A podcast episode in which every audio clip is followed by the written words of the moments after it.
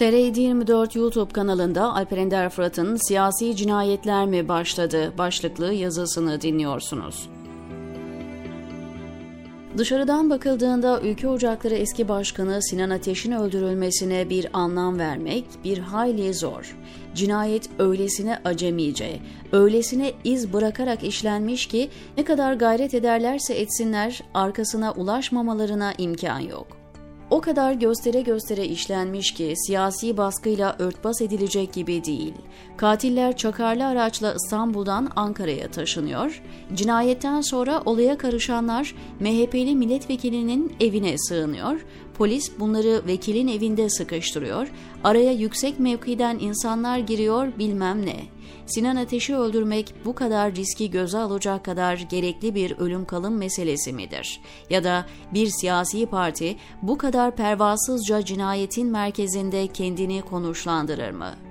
Cinayet iddialarının merkezindeki MHP'nin genel başkanından diğer yöneticilerine kadar hiç kimse açık net bir şekilde iddiaları yalanlamıyor. Yok üç hilali yargılatmayız diyor, gözümüzde olmayan gönlümüzde yoktur diyor, yok hiç kimse sabrımızı yanlışa yormasın, hiç kimse suskunluğumuzun asaletinden cesaret almaya kalkışmasın diyor. Ama cinayeti MHP'den uzaklaştıracak bir kararlılıkla olayları reddetmiyor. Bu tavır cinayet kadar garip geliyor. Tam da seçim arifesinde eski bir ülke ocakları başkanını öldürmekle nasıl bir siyasi kazanç elde edebileceklerini hesaplıyor olabilirler. Normal şartlarda bu tür olaylar seçmen davranışlarında çok olumsuz etkilere sebebiyet verir ve olaya karışanlar büyük itibar ve oy kaybına uğrar. Seçime giden bir partinin oy ve itibar kaybını hesaba katarak bir cinayetin merkezine oturmaktan çok imtina etmesi beklenirken cinayetle anılmak MHP'nin çok da umurunda değilmiş gibi görünüyor. MHP özellikle Devlet Bahçeli'nin genel başkan olmasından bu yana hep bir operasyon partisi oldu. Kendi başına politika belirleyen, strateji uygulayan ve ona göre davranan bir parti olmaktan çok görev partisi gibi davrandı. Bunu Devlet Bahçeli'nin ettiği birbirine 180 derece ters konuşma metinlerinden, davranışlarından bile okumak mümkün.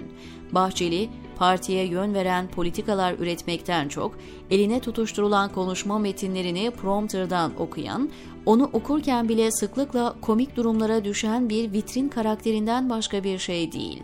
15 Temmuz öncesi ve sonra AKP'ye eklemlenmesi, daha aylar önce hararetle söylediği cümlelerin tam zıttı tavırlar içine girerek bir anda reisçi olmasa da bir operasyon aparatı olduğu iddialarını güçlendiriyor.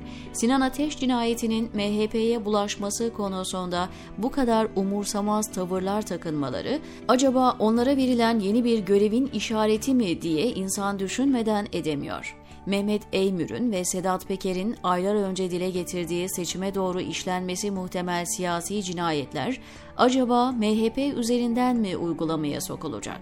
Ya da Sinan Ateş cinayetiyle bu sürecin düğmesine basıldı mı? Bugüne kadar kendisine verilen görevleri hiç itiraz etmeden, ayak sürümeden yerine getiren Devlet Bahçeli MHP'sine böyle bir yeni görev verilmiş olmasın?